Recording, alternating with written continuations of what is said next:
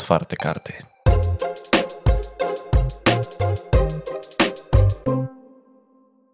Dzień dobry. Dzień dobry. Słuchacie podcastu, Otwarte karty. w którym staramy się przybliżyć najważniejsze zagadnienia toczące polską politykę, zwłaszcza jeśli chodzi o miniony tydzień. I tak jak w minionym tygodniu obiecywaliśmy, zarzekaliśmy się, że to już koniec, no cóż, dzisiaj po raz ostatni, przedostatni tak Przedostatni, naprawdę, No. porozmawiamy o największym wydarzeniu minionego tygodnia, który, którym już wszyscy żygają, już wszyscy mają dość, już nikt nie chce o tym w ogóle pamiętać, a mimo to my skupimy Mówisz o się na nowym tym po raz sezonie ostatni. klanu? Nowy sezon klanu jest fantastyczny i nienawidzę, że możesz sugerować inaczej. Natomiast ta telenowela, o której mówiłem, ma zdecydowanie gorsze wątki, gorsze oświetlenie i jeszcze gorszych bohaterów, I mniej ponieważ odcinków. zobaczymy, bo jeszcze się nie skończyła. Rekonstrukcja rządu, o której mówiliśmy już praktycznie w każdym tygodniu. I teraz de facto już powinna się skończyć, ponieważ poznaliśmy najważniejsze nazwiska związane z rekonstrukcją rządu, ale jeszcze czekamy na zaprzysiężenie, które musi, musi się dokonać za sprawą i pełnomocnictwem prezydenta Rzeczpospolitej Polskiej, czyli Andrzeja Dudę. A on powiedział, że no on to zrobi, jak będzie miał wolną chwilę. Natomiast my, ponieważ mamy wolną chwilę, postaramy się przybliżyć Wam najciekawsze sylwetki związane z nowym, zrekonstruowanym rządem Mateusza Morawieckiego. Zacząć należy oczywiście od postaci najważniejszej, czyli premiera Mateusza Morawieckiego. Ten zostaje na swoim miejscu. Ale w odrobinę zmienionej formie. To znaczy? No dlatego, że oczywiście formalnie dalej prezesem Rady Ministrów będzie Mateusz Morawiecki, natomiast będzie miał nad sobą wicepremiera. Znaczy, nie, no będzie miał pod sobą, oczywiście, ale nad sobą w kontekście hierarchii. Tak, w kontekście, hier- w kontekście hierarchii partyjnej. Jestem za pełnym rozdzieleniem na przykład kościołu od państwa, ale rozdzielenie rządu od partii jest chyba jeszcze bardziej niemożliwe. No nie jest możliwe. No, Jarosław Kaczyński wszedł do rządu w roli wicepremiera. O tym na pewno słyszeliście, bo Sami o tym mówiliśmy, wtedy to były pogłoski, teraz jest to Teraz oficjalna to jest, informacja. Tak, potwierdzone. Cała piątka y, premier i wiceprezesi Rady Ministrów pojawili się na konferencji, gdzie wspólnie y, y, ogłosili, znaczy gdzie premier ogłosił skład rządu, tego, który będzie zaprzysiężony w przyszłym tygodniu. No i tak, mamy premiera Mateusza Morawieckiego, wiceprezesa Rady Ministrów Jarosława Kaczyńskiego, który ma stanąć na czele komitetu. Na początku był to komitet do spraw bezpieczeństwa, teraz y, możliwe, że on będzie się nazywał jakoś inaczej ze względu na te tam e, stalinowskie konotacje Tak czy e, siak będzie-. Będzie pilnował Ziobry, Kamińskiego oraz Błaszczaka. Tak, czyli tak zwane resorty siłowe, czyli MSWiA, e, Ministerstwo Spraw Wewnętrznych i Administracji i Ministerstwo Obrony Narodowej. To wszystko, o czym mówiliśmy, no to się sprawdziło.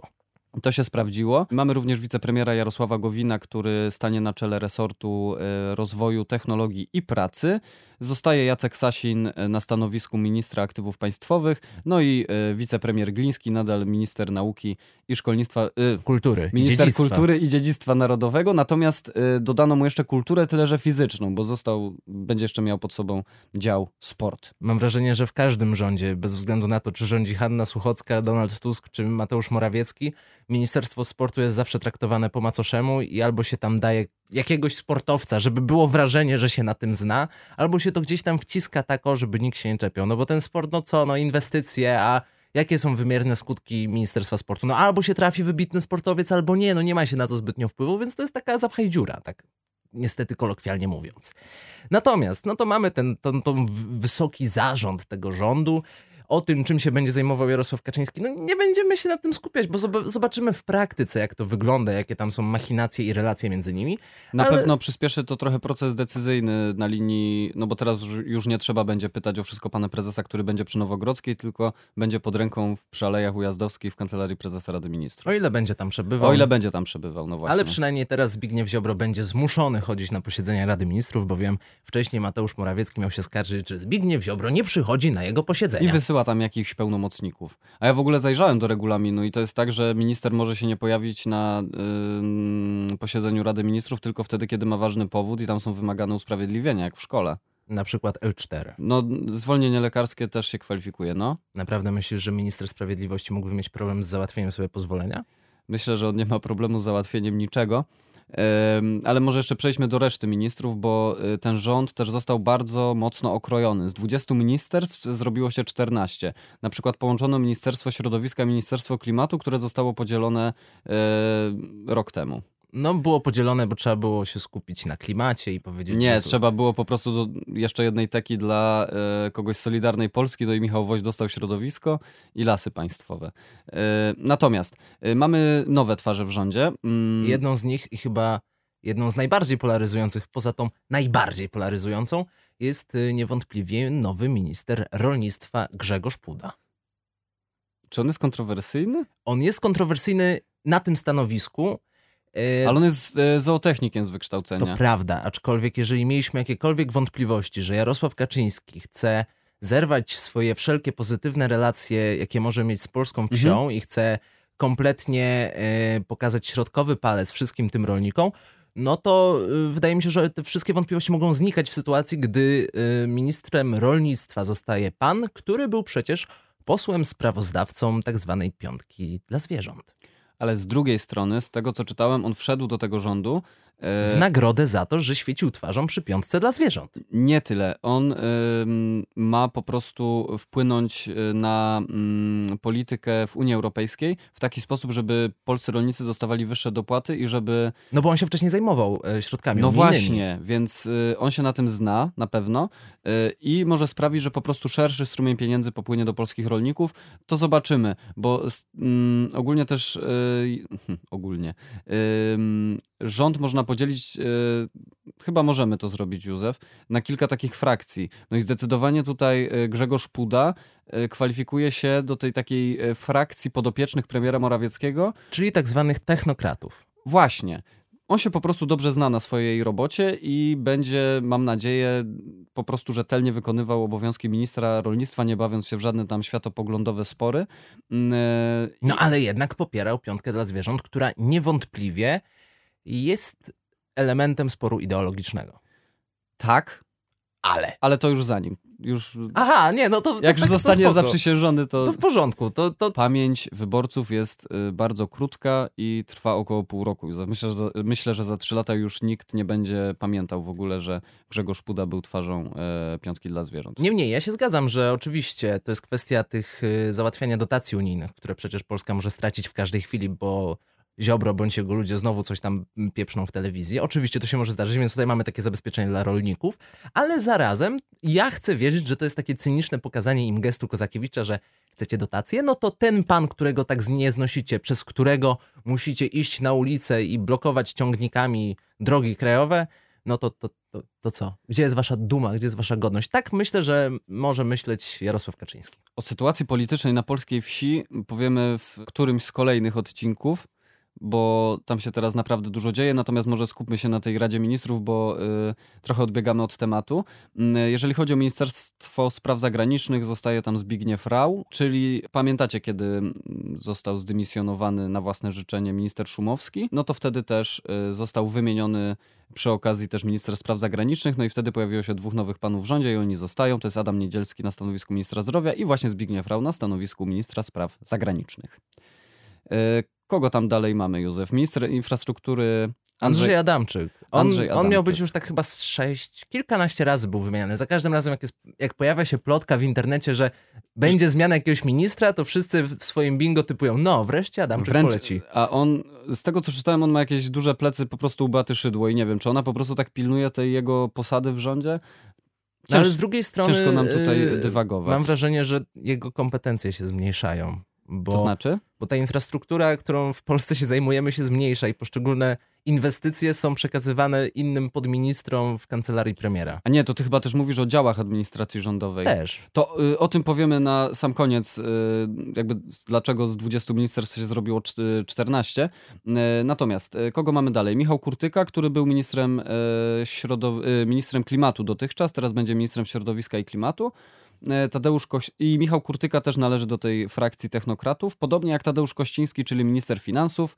A jaka jest funkcja ministra finansów? Tak się teraz zastanawiam w sytuacji, gdy premier jest ekonomistą i zasadniczo sam się zajmuje finansami. Znaczy, no, minister finansów ym, spina. No, on jest jedną z głównych y, osób odpowiedzialnych za ustawę budżetową. No tak, ale jednak y, ma się takie wrażenie, że za to wszystko, mimo wszystko odpowiada y, Mateusz Morawiecki, a minister finansów po prostu świeci twarzą.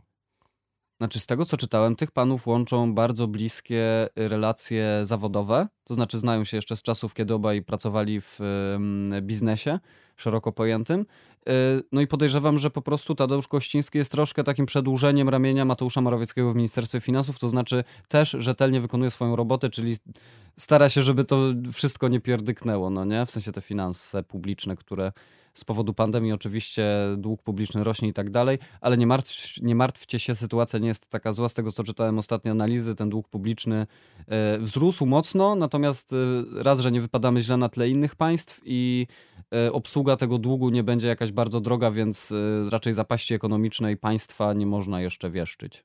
Nie?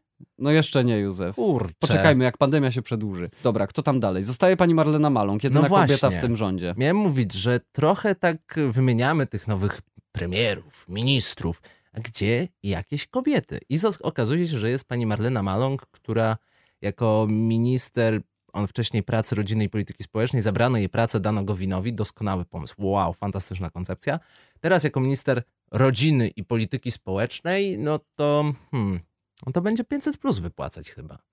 Znaczy, hmm, jeżeli chodzi o w ogóle mm, panią Marlenę Maląg, ja tutaj ciężko mi jest znaleźć e, coś pozytywnego do powiedzenia na jej, te- na jej temat. Jak już mówiliśmy wcześniej, pani Marlena Maląg jest autorką e, tego spinu, jakoby Polska miała się wycofać z konwencji stambulskiej. Koniec końców okazało się, że ona po prostu nie wiedziała, co mówi. No, no zdarza się. Zdarza się, ona tak samo chyba nie wiedziała, co mówi. Pamiętasz, był taki pamiętny wywiad w RMF, e, w RMF-ie u Marcina Zaborskiego, kiedy ja oglądając ten wywiad na YouTubie i tak samo redaktor Zaborski, mieliśmy wątpliwości, czy pani Maląg słyszy pana redaktora. Nie, bo ona wygłaszała monolog i coraz bardziej wchodziła w takie pustosłowie. Tak, a pan redaktor próbował jej pani przerwać. minister. Pani, Pani minister, czy pani mnie słyszy? To zapamiętałem e, tym. No bo ona jak się rozkręci, no to ona już nie wchodzi w ogóle, ona, ona leci tym scenariuszem, który został dość jasno rozpisany. To jest bardzo dobry przykład, że wykucie przekazu dnia na pamięć no nie przynosi zbyt dobrych owoców, bo później wszyscy myślą, że kujesz na pamięć jakieś przemówienia do telewizji.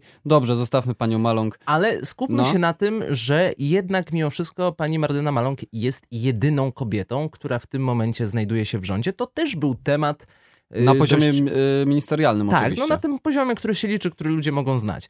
To był temat, który też zaczął żyć swoim życiem i ludzie, y, wydaje mi się, że chyba partia Razem stwierdziła, że w rządzie jest więcej Jarosławów i Mariuszy niż kobiet, które są w tym rządzie. No mniej kobiet w rządzie to było tylko za Jana Olszewskiego, A tak? właśnie, i ja postanowiłem to sprawdzić. Zdecydowałem się, że y, wejdę w tę mm, króliczą norę, którą jest y, przeszukiwanie i przeglądanie poszczególnych rządów, jeśli chodzi o polski. Skład polskich Rady premierów. Ministrów. Tak, to jest po prostu jedna zakładka na Wikipedii, zajęło mi to 10 minut. Ale ciekawostka, który rząd w Polsce po 89 roku jest najbardziej progresywny, to znaczy miał najwięcej kobiet? Który premier zatrudnił najwięcej kobiet? E, jakby miał tak z głowy strzelać, to bym powiedział, że hmm, może któryś lewicowy? A gówno, bo lewicowi to są, że tak powiem, na szarym końcu stawki. Naprawdę? Jeśli chodzi o... Leszek Miller? Leszek Miller w czasach, gdy był premierem, zatrudniał trzy kobiety. Była to minister edukacji narodowej i sportu Krystyna Łybacka, minister sprawiedliwości Barbara Piwnik oraz minister besteki Danuta Hibner. Więc nie. Okej, no to może mało. czekaj, no to może ktoś inny lewicowy. No nie wiem, może na przykład Oleksy. No A nie. guzik. A guzik, bo Oleksy miał Barbarę Blidę jako minister gospodarki przestrzennej i budownictwa. No to może Cimoszewicz. A guzik, bo też Blidę miał, odziedziczył po Oleksym. Okej. No to strzelaj. E, Wy też możecie strzelać. Tusk nie, bo z tego co pamiętam, tam tych kobiet y, było trochę, ale nie wiem czy najwięcej. To bym strzelił w takim razie może Beata Szydło. Prawie. Najwięcej kobiet w No. rządzie w czasie swojego bycia premierem miał Mateusz Morawiecki podczas swojego pierwszego rządu, ponieważ... Czyli ten rząd odziedziczony po Beacie Szydło. Tak, i w momencie, gdy on go dziedziczał po Beacie Szydło, to w momencie zaprzysiężenia było sześć kobiet wtedy. W rządzie obecnie jest jedna, no już na... w drugim jego rządzie były tylko cztery jak na razie. No i Marlena Maląg się ostała w końcowym momencie. Wspomniałeś o tym, że rząd Jana Olszewskiego, czyli Porozumienia Centrum, czyli pierwszego protoplasty, Znaczy to nie tyle E, był rząd Porozumienia Centrum, bo tam było to był rząd koalicyjny, faktycznie. ale mniejszościowy. ale mniejszościowy. Tam nie było kobiet. y, W ogóle. W ogóle nie było kobiet. Natomiast wydaje mi się, że y, równie smutny był kolejny rząd, który był po rządzie y, Jana Olszewskiego. Nie mówię o tym krótkim rządzie Pawlaka, no bo to, był, to była dziwna sytuacja. Co to tam... Y, tak. Nie, ponieważ rząd Hanny Suchockiej, pierwszej polskiej premier, miał kobiet ministrów w rządzie zero. Ona była jedyna. Jedy, Naprawdę? rodzynek, tak. Ojej. Natomiast y, pozostałe rządy, wszystkie pozostałe rządy miały chociaż jedną kobietę, choćby to, był, choćby to było takie jako symbol, no to była gdzieś tam się ta kobieta znajdowała. Lewica, jak już wspominałem, na tym punkcie dość słabo wypadła. Całkiem nieźle Buzek, bo Buzek miał sześć kobiet ministrów A to w był rząd, rządów. y, dzisiaj byśmy go określili jako prawicowy, bo rząd AWS-u. Tak, później rządy Marka Belki, który także był lewicowy, też pozostawiały wiele do życzenia, bo tam było po jednej kobiecie, ale od czasów rządu Kazimierza Marcinkiewicza, no to już ten pułap jest trochę wyżej. Łącznie z Donaldem Tuskiem, który też y, trochę tych kobiet, ale nie przebił, nie przebił pod tym względem Mateusza Morawieckiego. Ja byłem zaskoczony, no ale cóż, no, człowiek się uczy przez całe życie. To może jeszcze tutaj, Józef, wspomnimy, dlaczego y, z 20 ministerstw zrobiło się 14, bo to No bo trzeba było zmniejszyć rząd. trzeba było tam oszczędności wprowadzić. Sytuacja wygląda tak. Mamy kilka ministerstw, które zawsze muszą nazywać się tak, jak się nazywają, czyli na przykład Ministerstwo Obrony Narodowej, Ministerstwo Sprawiedliwości. W sensie one są nietykalne. One są nietykalne, bo one y, są, za, znaczy inaczej, w Konstytucji są artykuły, które mówią na przykład o ministrze sprawiedliwości, o ministrze obrony narodowej. Y, no i tak się utarło, że one muszą się tak nazywać. Natomiast pozostałe ministerstwa, ich szefowie zarządzają poszczególnymi działami administracji rządowej. Działy administracji rządowej są wypisane w ustawie o działach administracji rządowej. Y, Tych działów jest kilkadziesiąt i to jest tak, że każdy dział administracji rządowej to jest na przykład, nie wiem, rybołówstwo, żegluga śródlądowa, infrastruktura, nie, infrastruktura nie, mieszkalnictwo jest chyba też jednym z działów administracji rządowej, edukacja na przykład. I to jest tak, że mm, premier ma naprawdę bardzo dużą swobodę w przeklejaniu poszczególnych działów do danego ministerstwa. Można na przykład zrobić taki bardzo duży resort, y, który na przykład będzie tych działów miał 10, a można zrobić jedno ministerstwo, które będzie miało tylko jeden dział. No i stąd właśnie się z tych ministerstw, z tych 20 ministerstw się zrobiło 14, ponieważ część działów z tych 6 ministerstw została poprzenoszona do pozostałych 14, no i pyk. Czyli, żebyśmy mieli jasność, w zeszłym roku premier rozszerzał te resorty, bo taka była potrzeba, natomiast teraz... A teraz trzeba zmniejszać. A teraz zmniejszamy. No to jest trochę tak, jakbyś miał, załóżmy, nie wiem, 40 cukierków i 20 pudełek, no to teraz musisz powyjmować z 6 pudełek i poprzerzucać do 14 innych, tak żeby mieć dwa- 40 cukierków w 14 pudełkach. A propos cukierków, e, wiesz, kto został szefem kancelarii wicepremiera e, Jarosława Kaczyńskiego? To dlaczego cukierków? Wydaje mi się, że Michał Moskal? Tak, ja nie mówię y, o nim w cukierkach, bo bardziej chodziło mi o to, że trzeba gdzieś umiejscowić swoich ludzi w poszczególnych resortach. A, okej. Michał Moskal, który Ale do tej w sumie pory dość miło jak na członka Prawa i Sprawiedliwości. jest dość młody jak na członka Prawa i Sprawiedliwości. E, on jest szefem e, młodzieżówki PiSu. Tak. I co więcej, był jedną z twarzy, jak się okazało, ta piątka dla zwierząt ma więcej twarzy niż Jarosław Kaczyński. E, Był jedną z twarzy właśnie tejże ustawy piątki dla No zwierząt. tak, on ją prezentował na tej konferencji słynnej. Z tym historia była taka, że gdy poprzednim razem Jarosław Kaczyński prezentował tę ustawę, no to jej twarzą był, Krzysztof Czabański, Tak jest. członek Rady Mediów Narodowych. Nawet chyba jej y, przewodniczący. No. No ale problem był taki, że ta ustawa wtedy... mm, Nie przeszła, bo był bardzo duży sprzeciw lobby futrzarskiego, za którym też stoi ojciec Rydzyk. który normalnie urzęduje w Toruniu. A wiesz skąd startował Krzysztof Czabański w ostatnich wyborach? Wiem, z Torunia i No się nie dostał. no właśnie. Przez to, że prezentował tę ustawę, był tam posłem sprawozdawcą, był twarzą tej ustawy. Tak jest. I okazało się, że w tym wypadku, gdy chodziło o piątkę dla zwierząt, no to też nie było zbyt wielu chętnych. Nie, niewielu ludzi się pałało do tego, żeby iść, wystawić się na ostrzał, żeby, żeby, żeby dostać w twarz. Bo mogli zebrać cięgi później od wyborców. A Michał Moskal, który jest dość młody, jeszcze nie siedzi w tej polityce tak mocno, mogąc sobie zaskarbić Jemu nie zależy. prezesa, zdecydowanie poszedł na to, no bo czemuż by nie? I dostał awans. Tak, zdecydowanie. Wydaje mi się, że Michał Moskal będzie jedną z y, ciekawszych politycznych postaci, jeśli chodzi o nadchodzące. On jest, o, to jest wreszcie ten młody, o którym mówiliśmy, że ma przyjść nowe pokolenie polityków, bla, bla, bla, bla, bla. Nie wyszło z Jakim, nie wyszło z Kantakiem, nie wyszło z Kaletą, to może z Moskalem wyjdzie i to będzie wreszcie jakieś prawdziwe nowe pokolenie tych polityków. Niemniej jednak okazuje się, że on jest dość blisko tego słynnego i często parodiowanego ucha prezesa. Od tyle. Taka ciekawostka. Natomiast wnikliwym obserwatorom sceny politycznej i wnikliwym słuchaczom prawdopodobnie nie umknęło to, co nam mogło umknąć, bowiem w Radzie Ministrów dokonała się jeszcze jedna zmiana, ta, która była najszerzej komentowana przez media. zmiana na stanowisku ministra edukacji narodowej i ministra nauki i szkolnictwa wyższego, których te dwa obowiązki przejmie jeden człowiek. A o tym, kim jest ten jeden człowiek, no to cóż, my na to potrzebujemy o wiele więcej czasu, o wiele więcej energii, bo będzie tam sporo frustracji. O tym posłuchacie w następnym odcinku Otwartych Kart. Na ten czas bardzo dziękujemy za ten wspólnie spędzony czas. Jędrzej Jazgar oraz Józef Poznar. Do usłyszenia, trzymajcie się. Cześć. Cześć.